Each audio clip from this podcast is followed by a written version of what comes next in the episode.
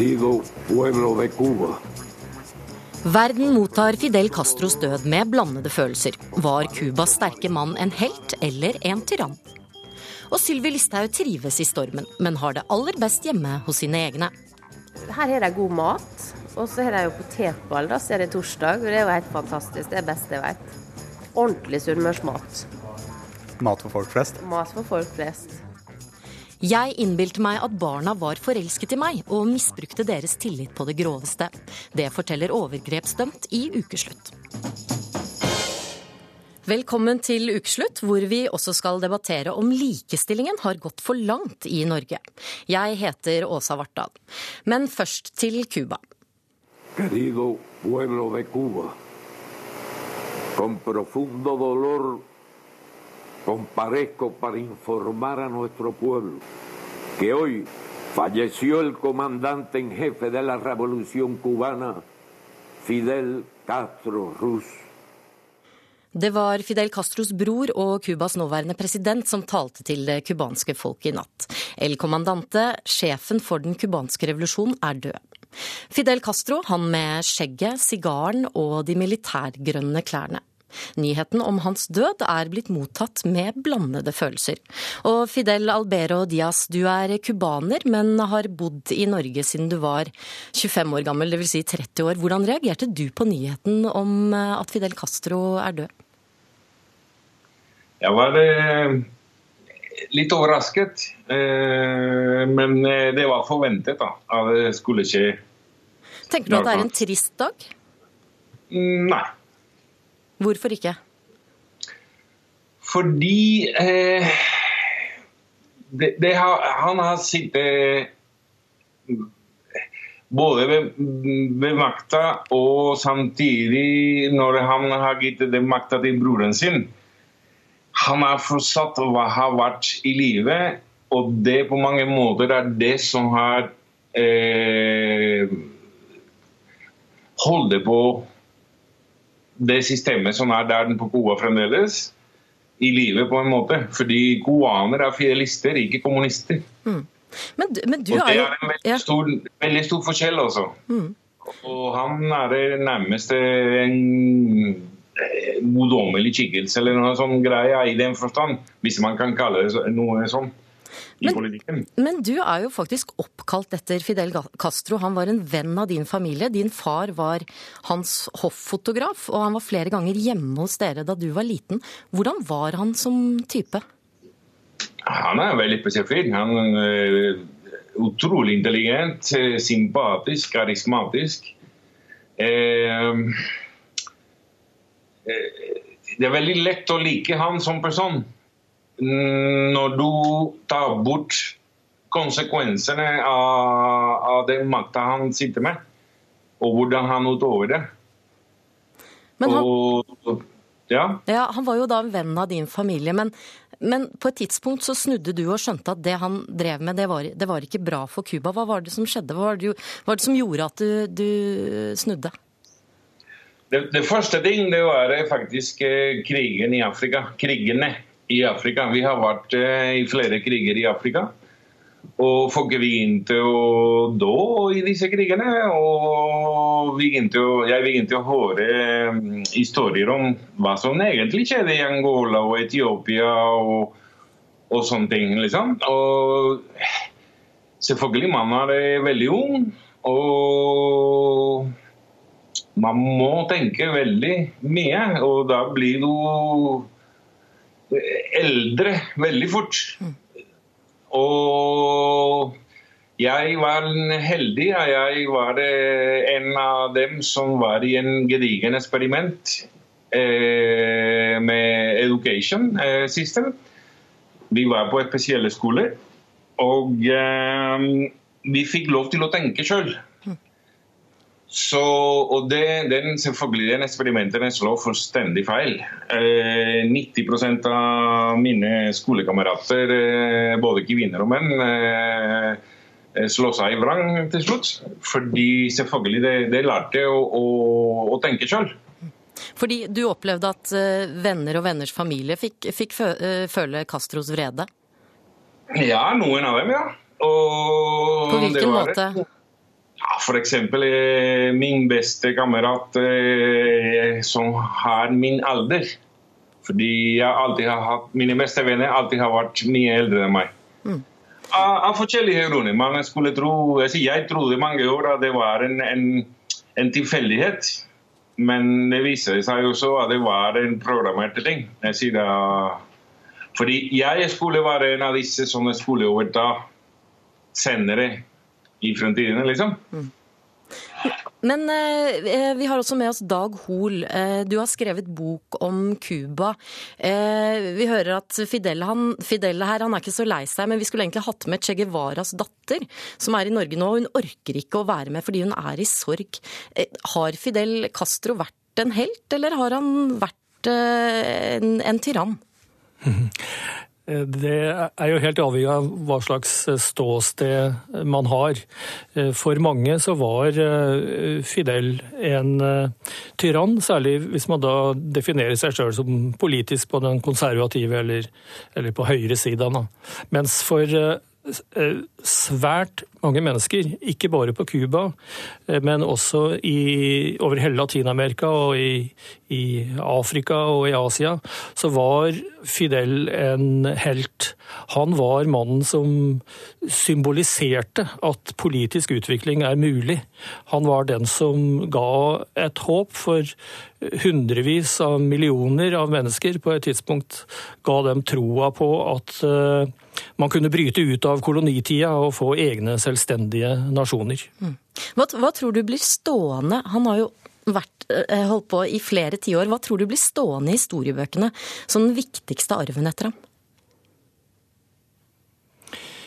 Eh, jeg tror at eh, det som, var, altså det som vil være poengtert, er Fidels utgangspunkt. Og det var at han ville gjøre et, et opp opprør mot den amerikanske dominansen i Latin-Amerika. Cuba på 50-tallet var, eh, eh, hadde veldig lite sjølråderett, som vi sier i Norge. Eh, det var fullstendig dominert av det amerikanske næringslivet, og dette her måtte det gjøres et tas affære med. Og det, den Eh, han var ikke i utgangspunktet noen eh, kommunist i den forstand. altså Denne her kommunistiske og sosialistiske innflytelsen hadde lite eh, med Fidels utgangspunkt å gjøre. Det var en, en nasjonal bevegelse for å frigjøre seg fra amerikansk kapital sin dominans. Og det poenget der, det tror jeg er gyldig i Eh, mange nasjoner, og vil bli stående som en av de viktige bidragene. Da, at det er et, et opprør mot den eh, si, kapitalistiske verdensorden, for så vidt. da. Mm. Du snakker om USA. De har jo prøvd å bli kvitt ham mange ganger. Eh, har ikke klart det. Nå, nå er han borte. Hvordan tror du hans død kommer til å påvirke forholdet til USA? Eh, ja, Det at han er borte, det er et tidsskille. For Altså det er eh, all, man ser forskjellig på det eh, rundt forbi i verden. Noen syns dette er vemodig. Eh, for andre er det en gledens dag. Vi ser hvordan cubanere i Miami, som har på et eller annet tidspunkt rømt fra Cuba, de jubler i dag, og det er folkefest i gatene. Jeg tror at det er det som dette fastlåste forholdet mellom Cuba og USA, eh, som Obama riktignok har klart å skape en viss utvikling i, i fellesskap med cubanerne, det det er, blir nå spennende å se om det faktumet at Fidel nå er borte, faktisk kan bidra positivt. Mm. Fordi, fordi, det man fra USAs side, altså disse ytterliggående radikale miljøene som har stor politisk innflytelse i USA, det man har krevd hele veien for å skape tilnærming, eller før man gjør noen tilnærming mot Cuba, det har vært Fidels hode på et fat. Mm. Helt, helt, til slutt, eh, Fidel. Eh, hvordan, eller tror du at folk på Cuba kommer til å få, få det bedre nå?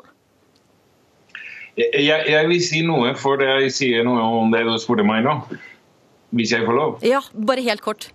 En, en ting er, Historien er ikke skrevet ferdig yet. Det er det for å svare denne spørsmålet du gjorde til ham som var på den andre sida. Eh, når den andre delen av historien skrives, da det blir veldig interessant, eh, håper jeg, for dere som er interessert. Fordi bl.a. Castro var ikke alene om den revolusjonen. Det var ikke mot eh, industri, amerikanske penger og sånne ting. Det var rett og slett mot den italienske og amerikanske mafia som ville lage ny Las Vegas 90 miles away from United States and outside of the federal government. Mm. Tusen takk. Ja, tusen takk skal dere ha, Dag Hoel og Fidel Albero Diaz. Cubanske myndigheter har erklært ni dagers landesorg, eh, og begravelsen er nå satt til 4. desember. Hylekor og debatt på Facebook har preget uken til innvandrings- og integreringsminister Sylvi Listhaug. Ukeslutts reporter Brage Berglund ble med Listhaug på tur hjem til sine egne på Sunnmøre, for å prate om folk, eliter og potetball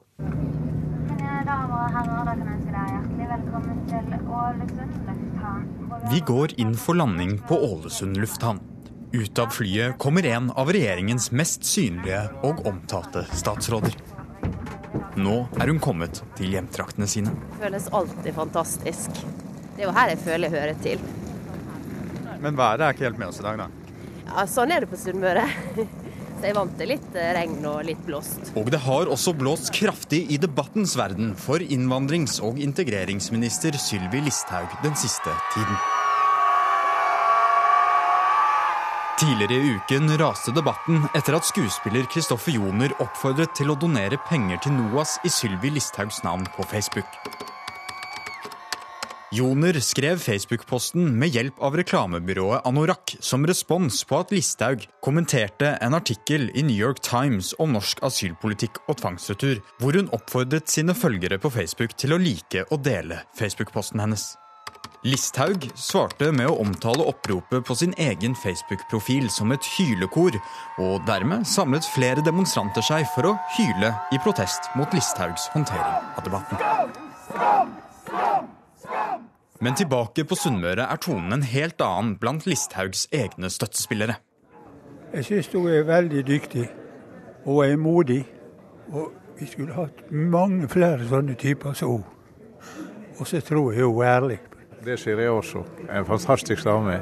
Ja, ja, vi bør ha flere sånne i Norge. Og for mye ufortjent hets, da kan du si. Hun blir eh, mer mobba enn kritikk, vil jeg si bruker duppe. Det er en sånn uh, fløtemyr. Vi blir med statsråden når det nærmer seg middagstid. Sammen med sin politiske rådgiver Espen Teigen går hun for et helt spesielt måltid på et lite, trangt gatekjøkken i Ålesund by. Her har de god mat, og så har de jo potetball. Da så er det torsdag, og det er jo helt fantastisk. Det er det beste jeg vet. Ordentlig sunnmørsmat. Mat for folk flest? Mat for folk flest. Sunnmøringer flest. Hvordan vil du oppsummere uka? Hvordan har den vært for deg? Den har jo vært hektisk. Så jeg var litt sjuk innimellom òg. Men eh, vi har nok kommet eh, snart gjennom. Men du får jo til tider da massiv motbør eh, og det offentlige ordskiftet imot deg. Hva koster det da? Jeg vil ikke si det koster meg så mye, egentlig, for jeg er blitt så vant til det. Jeg sier at det å stå i en skittstorm er blitt en livsstil. Så det er noe som jeg har lært meg å leve med. Du er jo ofte ute og, og svarer dine kritikere, og du tar debatten. Hva er det som får deg til å hive deg på i utgangspunktet? Det er jo det at jeg syns det er viktig å ta til motmæle. Skal det være sånn da at en statsråd skal tåle alt mulig? At en politiker skal tåle alt mulig? At uh, et meningspoliti skal bestemme hva som er riktig å si og galt å si? Jeg syns det er feil. Og Da er det viktig for meg å være ute og argumentere saklig for hva jeg mener er riktig. Så jeg prøver alltid å være blid og saklig og eh, behandle motstandere med respekt. Men så av og til så sier jo da, sånn som i løpet av uka, motstanderne dine at du ikke holder debatten saklig ved, ved dine valg av ord. Hva tenker du om det, den kritikken? Jeg tenker at Det er mange som har en eh, egen evne til å vri og vende på det jeg sier, og få det til å framstå som noe helt annet. Klart Det er jo et vanskelig utgangspunkt for debatten, hvis utgangspunktet til motstanderne er noe som ikke stemmer. Så f.eks. i denne saka med han sjuåringen, New York Times, der han hevder at jeg la ut eh, den artikkelen om han sjuåringen. Det var ikke det jeg gjorde. Jeg la ut et bilde med to sitat fra New York Times-artikkelen, uten at den var linka opp i det hele tatt. For å signalisere at Norge har en streng politikk. Listhaug har også møtt motstand den siste tiden for å kritisere eliten. Men da har hun nå blitt beskyldt for å være en del av den selv. Hva med deg er det som ikke er eh, elitistisk? Nei, altså jeg, eh, jeg tenker at det er jo I forskjellige sammenhenger så er du en del av en elite, andre ganger er det du kanskje ikke. Altså, jeg tjener bra, jeg bor godt. Eh, så sånn sett så er jeg jo en del av eliten. Jeg kjører svart statsrådsbil. Men samtidig så mener jeg mange ting som du kan si meningsbærerne da er veldig uenig i, og som ikke er politisk korrekt. Og jeg tør å si det. Og da er jeg jo ikke en del av eliten. Så det vil jo variere litt. Grann. Underveis i intervjuet fisker rådgiver Espen fram telefonen sin og tar et bilde av statsråden som smiler bak en tallerken med pølse og ball. At statsråden er på gatekjøkken skal deles med drøyt 100 000 følgere. Ja, eh, Sylvi sa da at vi burde legge ut på Facebook at vi er og spiser middag. Bare for å vise hva vi driver med i dag. Hva er det beste jeg ja. vet det? Ja. Det er potetball. Og da tok jeg et bilde, og så legger vi ut en status litt senere i dag. Og hva er det dere vil oppnå med, med, med å legge ut det bildet av dette måltidet her nå? Ja, da får jo folk se at vi, jeg, jeg spiste det beste jeg vet i dag. Potetball. Jeg er sikker på alle sunnmøringer i hele landet tenker yes! Det, det er oss enig i. Nesten, i hvert fall. Hvordan ser det ut på Facebook-profilen her nå? Det er ganske, ganske, bra aktivitet. I dag har det kommet inn 900 eh, kommentarer på en post som ble lagt ut for noen timer siden. Hva er det som engasjerer? Nei, altså det er, det er jo klart og tydelig budskap. Og, og uh, legge ut ting som uh, omholder både innvandring og integrering, og en fin balanse på det. Og, og vise litt, litt sånn uh, hva jeg gjør i hverdagen. Ja. Litt naturbildene hjemme på Sunnmøre. og Bilder fra fjøset og bake kake med ungene. Litt sånn litt sånn blanding. Hvor, ja, hvorfor er det så viktig for deg å gi en personlig touch, da, om man kan kalle det det? Eh, altså, folk må bli litt sånn kjent med meg. Se at jeg har et vanlig liv og ja. Et helt vanlig liv har du vel ikke? Jobber kanskje litt mer enn mange sånn i antall timer og sånn, men eh, jeg har jo en familie jeg skal ta vare på, foreldre. og Jeg liker godt naturen, og jeg liker å bake pepperkaker med ungene. og ja. Men folk flest sitter ikke på gatekjøkken og spiser eh, ball med livvakter sittende ved bordet ved siden av? nei, det har du rett i. Så nei, helt eh, normalt liv har jeg ikke. Det, det er helt sikkert. Jeg er veldig sliten, men eh, jeg er jo fryktelig letta og fryktelig glad. Ja, det er ingenting som er vunnet ennå, men det ser annerledes ut nå. Det ser ganske mye lysere ut. Det har gått opp og ned med Magnus Carlsens humør denne uken. Det samme gjelder håpet om at nordmannen skal klare å vinne sjakk-VM nok en gang. Og I kveld er det nest siste omgang før vi får vite om det blir Carlsen eller Karjakin som blir mester. Og mens vi venter i spenning, er det noen som ligger i hardtrening for en dag kanskje å kunne følge i Carlsens fotspor. Og reporter Madeleine Sederstrøm, du er på Åsen skole i Ringsaker. Hva er det som skjer der? Ja, her kan du tro at det går i indiske öppningar. Det har jeg nå lært meg hva det er for någonting utan att jag kan återge det på noe som helst måte. Men ungdomarna og barnen som er her, de lär sig utav bland annat Magnus Carlsens første tränare. Oliver og Bjørnar, hur, hur länge har du spelat schack? Jeg har spilt sjakk i to og et halvt år. Vilken er din favoritåpning? Eh, spansk åpning. Hvorfor det? Eh, det er tror det er bonden til Bonden bond på eh, E7. Ja. Hvorfor er det bra? E5. Ja. Eh, jeg vet ikke. Hvilken er din favorittåpning, da? Ja, dronning Gambit. Og, og det, hvorfor det? Fordi jeg liker åssen bøndene står da. Fordi da er det bra posisjonert, syns jeg, da. Ni har vært på kurs litt i dag. Hva har du lært deg i dag? Uh, jeg har lært meg at det ikke alltid er smartest å slå. Ok! Man skal ikke alltid slå. Hvorfor ikke det, da? Uh, fordi det er, kan være smart å vente Ni har jo sett Magnus Carlsen nå. Hvem tror ni vinner? Magnus Carlsen tror jeg vinner. Fordi? Fordi han er best. Får man lov å være så sur når man, når man forlorer? Nei. Nei, jeg tror ikke det. Er du sur når du forlorer? Nei. Jeg tror ikke. Du da? Er du sur når du forlorer? Mm, litt. Får man lov å være så sur som Magnus er? Ja, man får lov, da, men det er kanskje litt sånn usportslig, da.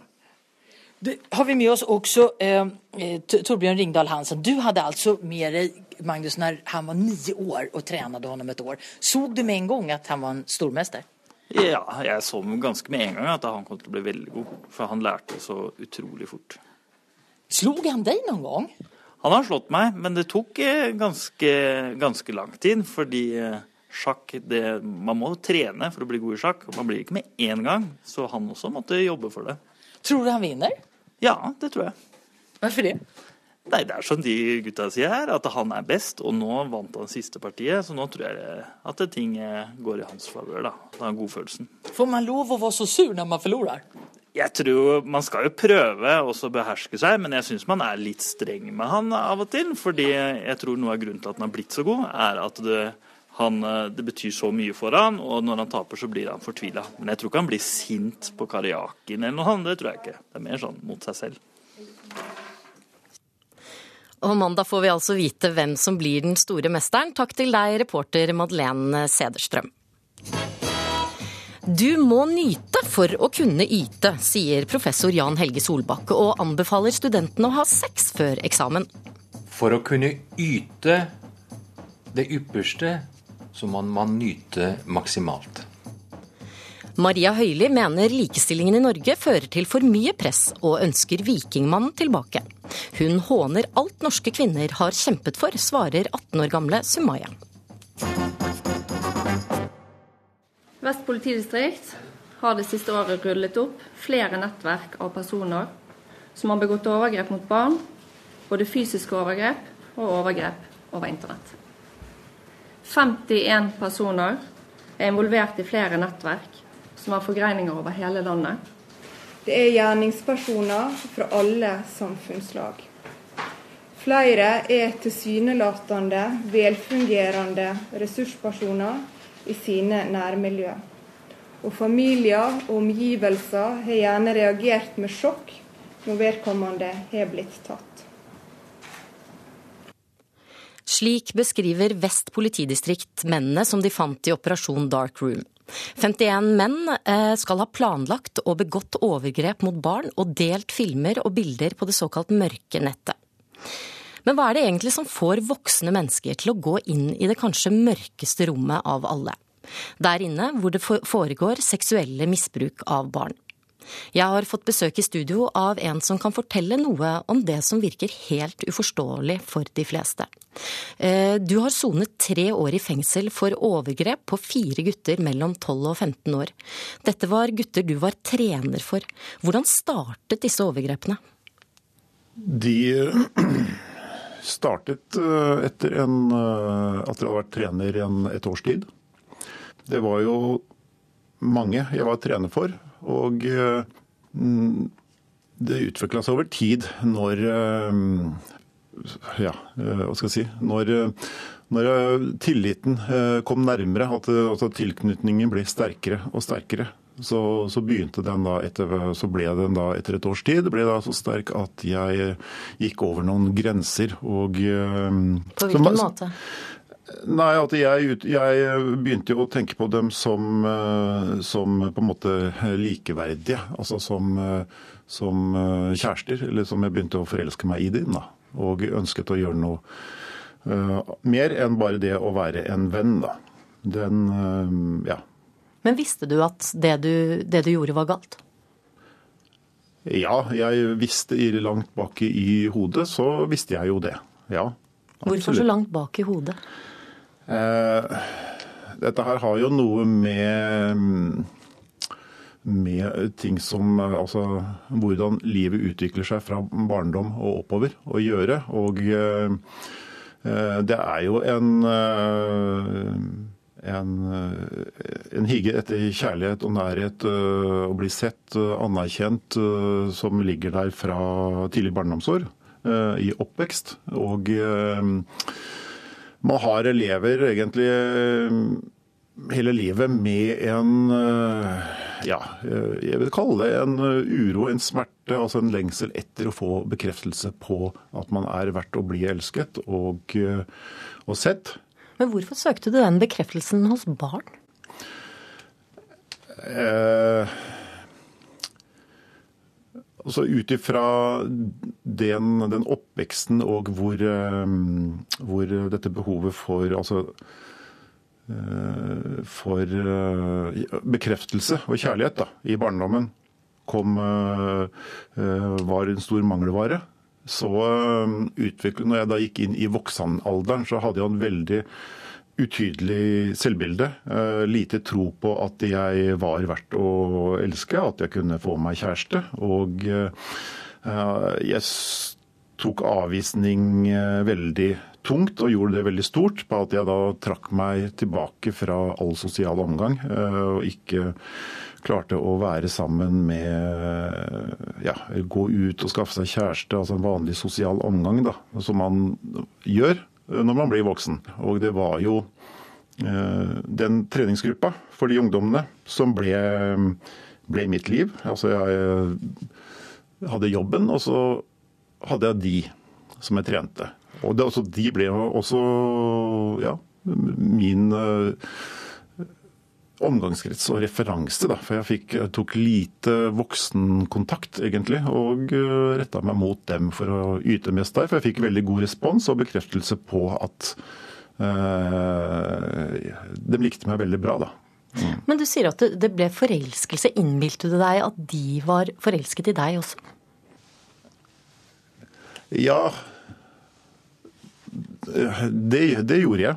Ja, det gjorde jeg. For når man har den um, sterke lengselen etter bekreftelse og kjærlighet, så um, og man merker at man får respons fra andre mennesker, om det da var ungdommer eller om det var voksne, så, så, så spilte ikke det noe særlig rolle. Altså, jeg så ikke den, den, aldersforskjellen, altså den grensen som andre voksne ville sagt at uh, hvis man får oppmerksomhet fra ungdom, så vil man liksom ha visse grenser man ikke går over og se på det som uh, noe annet. Da. Men uh, hos meg så, så, så, så, hadde jeg ikke de grensene, eller dytta de grensene unna, for det var så godt med den responsen tilbake. Og eh, da begynte jeg jo å ja, kalle det manipulere meg selv, eller min egen, altså innbilte meg selv at de, de også så på meg på samme måte som jeg så på dem. da. Men det som var, er at Eh, det gjorde ikke dem, men jeg, det der jeg var da, i min eh, eh, ja, følelsesmessige ubalanse og psykiske tilstand, så, så, så, likte jeg så godt å være i det at jeg ble forelska i dem. Og det ble viska ut grenser hos meg som andre har, da. Det var det. Men tenkte du da noen gang på Du sier at det var indre smerte hos deg. Tenkte du noen gang på at du kunne påføre disse guttene den samme smerten som du på en måte var blitt ødelagt av? Ja, det gjorde jeg jo. Men du stanset ikke likevel? Nei, det har jo med den selvmanipuleringa å gjøre, da.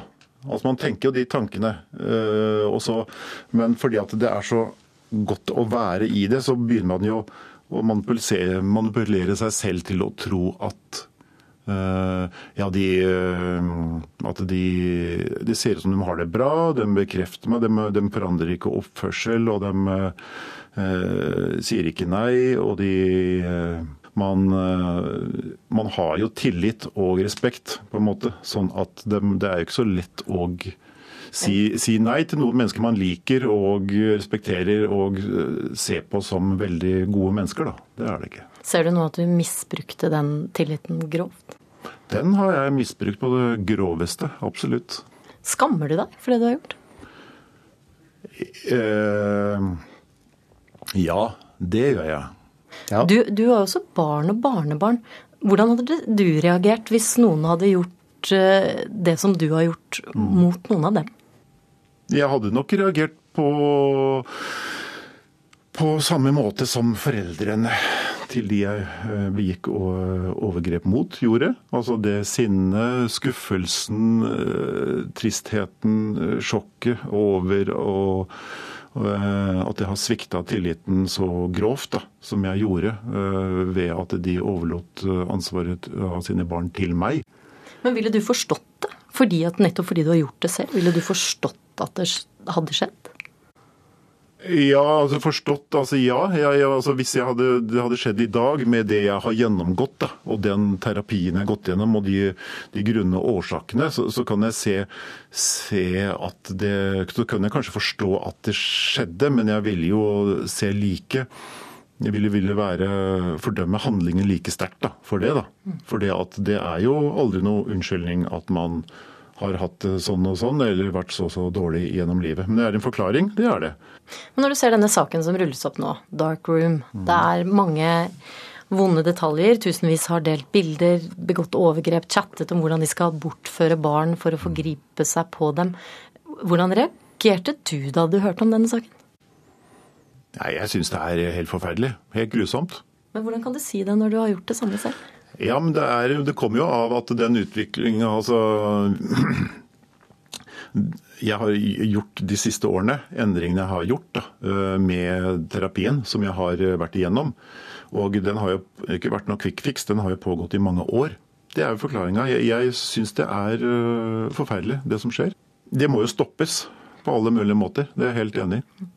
Men når vi, når vi hører om det, så tenker alle hvordan i all verden klarer voksne mennesker å få seg til å gjøre noe sånt? Mm, mm. Du som selv har gjort det, mm. kan du forstå dem? Jeg,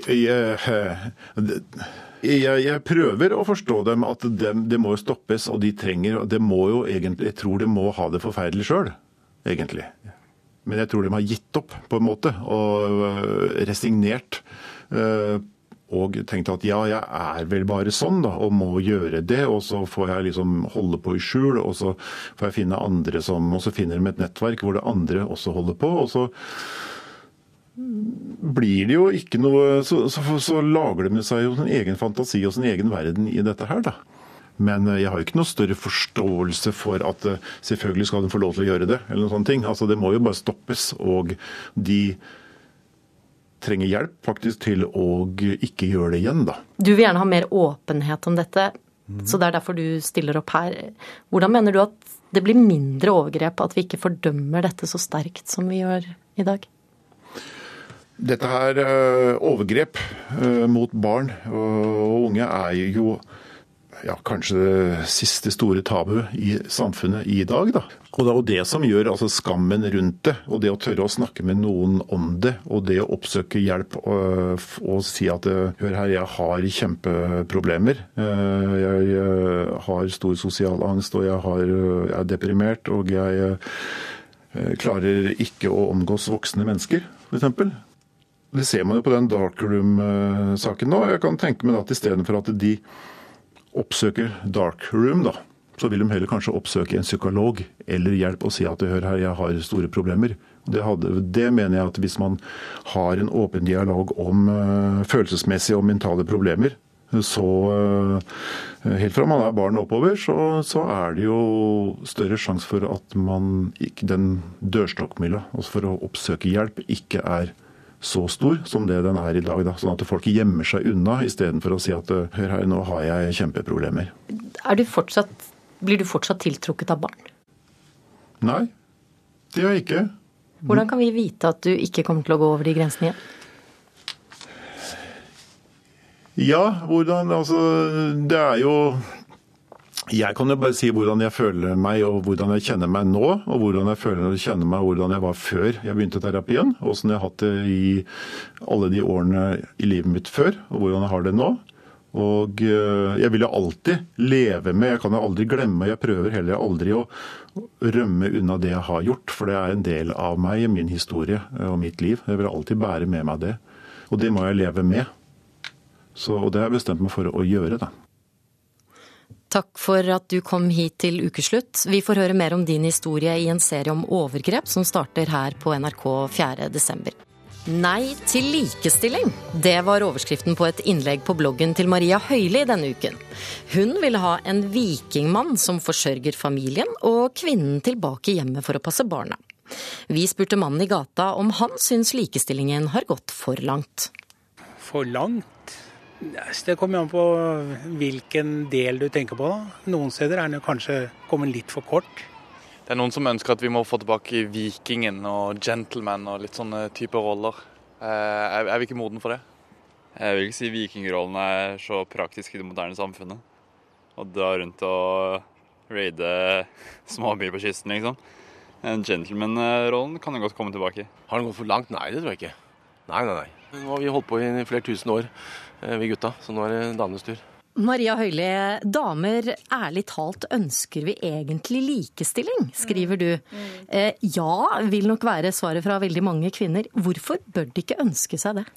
Nei, jeg tenker at vi lever nå i et samfunn der vi skal prestere på likt nivå, ha samme egenskaper, ha samme forutsetninger og ha samme fysikk. Eh, både kvinner og menn. Og det tenker jeg blir veldig slitsomt. Ikke bare hjemme, men også på bortebane for barna. Da. At vi skal ha like egenskaper som både mor og far.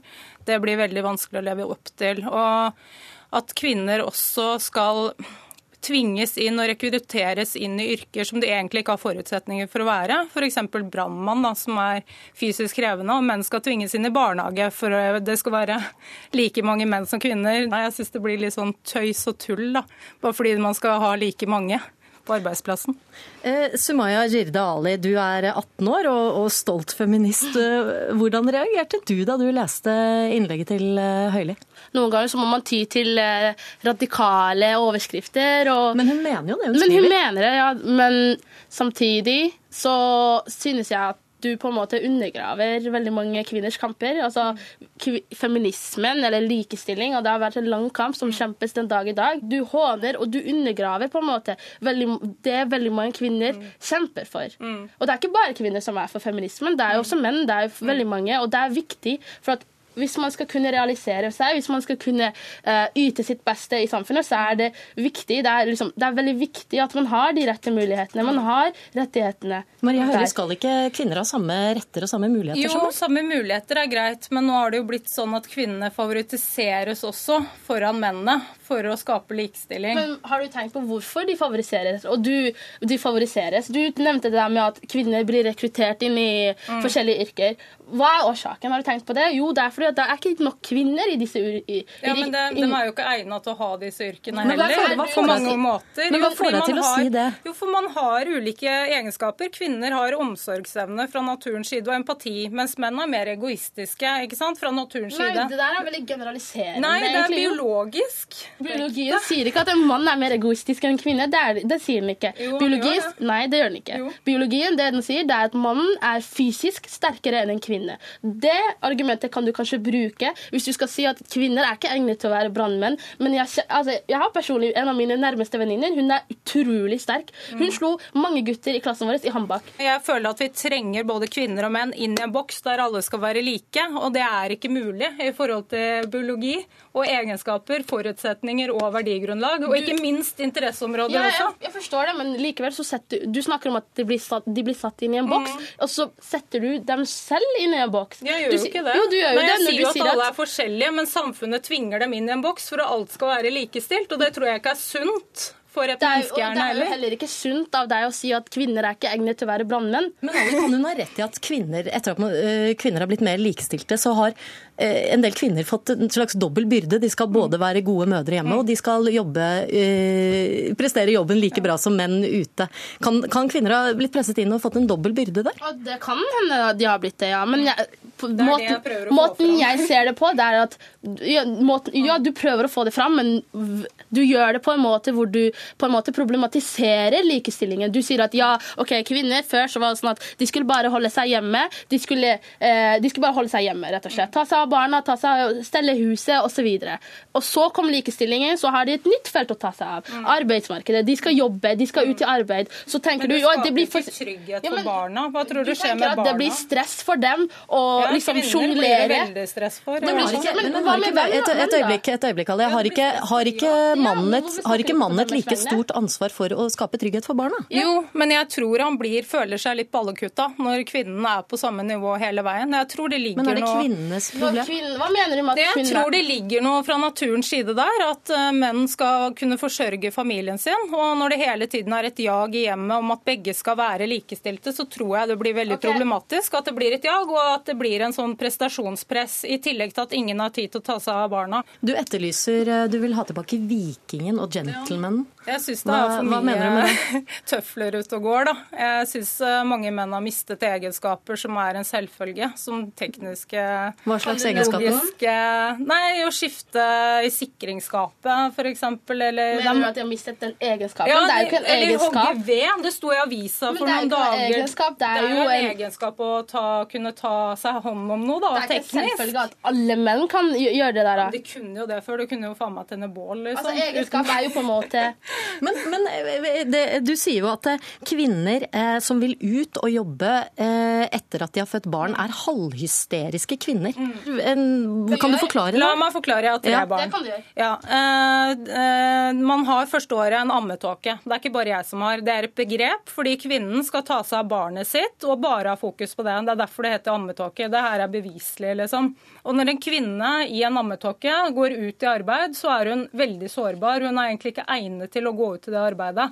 eh, Pga. sinnstilstanden. Og at man da tvinger en mann inn i ti ukers permisjon, eh, tvungen permisjon, er for meg helt underlig. Når eh, det skulle fra naturens side vært at kvinnen var Men Ali, Ali, ser du det? At når både menn og kvinner da eh, skal ut og jobbe, så kommer barna i skvis? Ja, den, den ser jeg. Men selvfølgelig, det er opp til hver, liksom, hver familie å tilrettelegge, tilrettelegge det. Og det er det samme, du setter jo kvinner og menn i bås. Du sier at kvinner skal være her, menn skal Nei, være der. Og, men likevel, de rollene og de oppgavene, det er opp til individer. Det er opp til det er parene ikke hvordan opp de skal til de lenger, Jo, det fordi er det. samfunnet krever det av de. Det er det som er problemet. Hvis jeg går hjemmeværende nå, da, så spør du meg hva jobber du med. Nei, jeg er hjemmeværende. Å ja, er du hjemmeværende? Du har jo ikke noe jobb. Du er jo ikke hjemmeværende ja, for alltid heller, da. Sånn Men- er men er det ikke samfunnet. viktig at- Du blir jo sett ned på Høylig, hvis du har lyst til å gå hjemmeværende. det ikke viktig, altså, er det ikke viktig at man har valget? Jo, det har jeg sagt. Ja til like muligheter. Ja til like muligheter, sier du. Er ikke det nettopp det som er Nei, likestilling? likestilling er at alle må være likt hele tiden, og en mulighet er når du velger. Det er to forskjellige ting. Ja, ifølge f.eks. Wikipedia så er likestilling Wikipedia, ja, faktisk. definisjon. Ja, men når jeg, jeg sier det, så er det logisk, er det ikke? Nei, det er faktisk oh, ikke det. For det er som å si uh, for, for, La meg forklare. Likestilling det er at alle skal ha like rettigheter og Mm. like muligheter.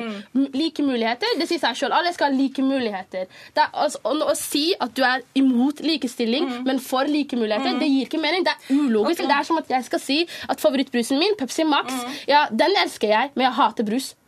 Det gir ikke mening. Du skriver i innlegget ditt 'Nå kommer nok feministen og biter meg i rumpa'. det Det har de gjort jo, siste uken. det uken. var jeg ute etter. Jeg var jo ute etter en debatt, for jeg syns det er viktig å få, få folk til å tenke og snakke, og kanskje retenke, og ja, at det skjer skjer noe med saken. Men du åpnet på en måte ikke til en debatt. Det du gjorde, det var å provosere, og det var å Da åpner man til debatt, da. Du fikk i hvert fall den eh, debatten du ville ha. Tusen takk til dere, Maria Høili og Sumaya Jirde Ali. For mange studenter så er tiden nå før jul et hardkjør med eksamener på rekke og rad. For noen er presset så stort at de tyr til reseptbelagte medisiner for å klare seg gjennom. Det liker ikke professor Jan Helge Solbakk ved Universitetet i Oslo. Han mener studenter i dag ikke forstår at man må nyte for å kunne yte.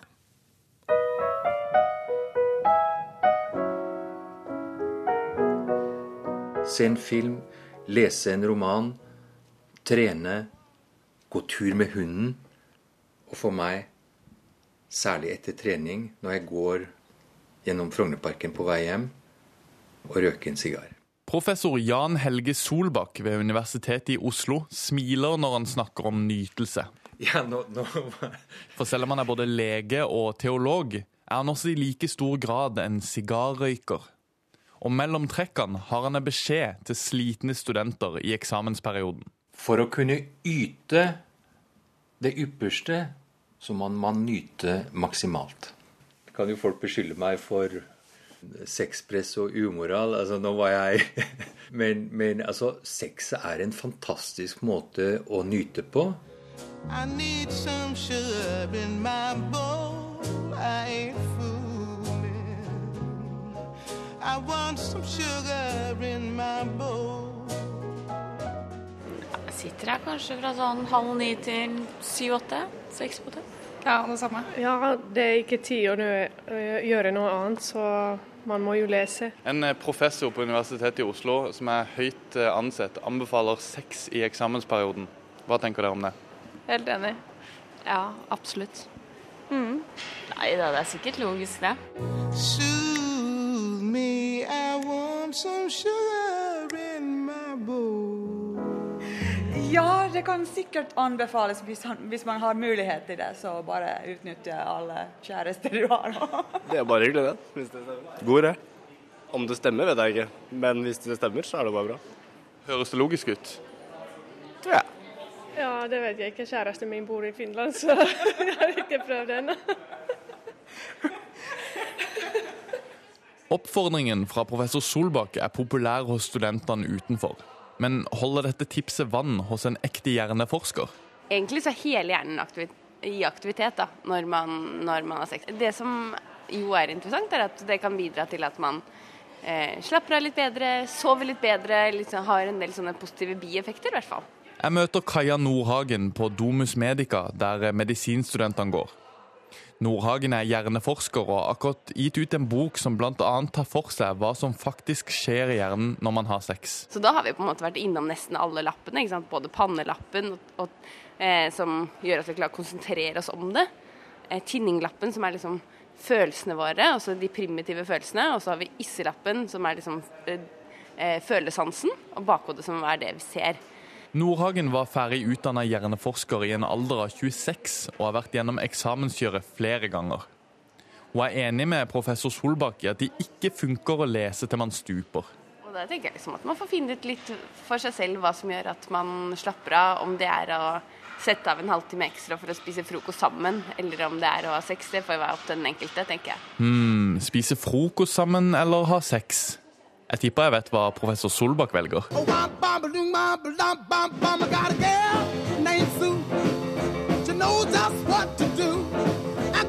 For noen måneder siden så, så snakket jeg og min, min nåværende argentinske kone sammen om liksom, hva er det Hvis vi skulle lage en, en, en liste av, av lyster, hva ville vi rangere først? Og til min store overraskelse, som jeg, jeg knakk sammen av latter, så sa min kone en sigarett. Det var reporter Daniel Eriksen som måtte yte for ukeslutt. Og vi skal til verdenscupåpningen i langrenn i Ruka i Finland, der det er sprint nå. Hvordan går det med de norske løperne, reporter Pål Thomassen? Ja, Vi er eh, halvveis i spinnkonkurransen her nå. Det ser egentlig veldig lyst ut da, med tanke på norsk eh, suksess her i dag. Marit Bjørgen ble nummer to i sitt heat, er videre i det første verdenscupløpet for hennes del etter fødselen. Maiken Caspersen Falla er ute og går semifinale nå, kjemper om seieren der med Stina Nilsen. Jeg tror det går bra. Og Vi har Ingvild Flugstad Østberg videre, Heidi Weng er videre. Så de norske har gjort det bra. Og vår nye sprintkomet på herresida, Johannes Høsflot Klebo imponerte også med seier i sitt tid. Så dette her ser lyst ut, det, med tanke på en norsk seier første dagen av verdenscupen i langrenn. Det, det, høres jo veldig bra ut, men i går så ble altså de norske møtt med hets i form av en plakat, eh, der de ble sammenlignet med de som dopet seg i det tidligere Øst-Tyskland. Har, har det skjedd noe lignende i dag? Jeg har ikke hørt noe at det har skjedd noe i dag, i hvert fall ikke så langt her. da, og Publikum har oppført seg pent. Det har ikke vært noe tilrop til det norske, i hvert fall ikke som, som jeg har fått uh, hørt noe om her. Så jeg tror dette her går pent og pyntelig. Og det er også noen som sier at kanskje dette her var satt i scene av uh, kanskje en journalist eller en smøre fra utlandet, så det er ikke så sikkert det var så alvorlig allikevel, det som skjedde i går. Det var ukeslutt denne uken. Ansvarlig for sendingen Kari Li. Teknisk ansvarlig Hans Ole Hummelvold. Og jeg heter Åsa Vartdal. Ha en kjempefin helg.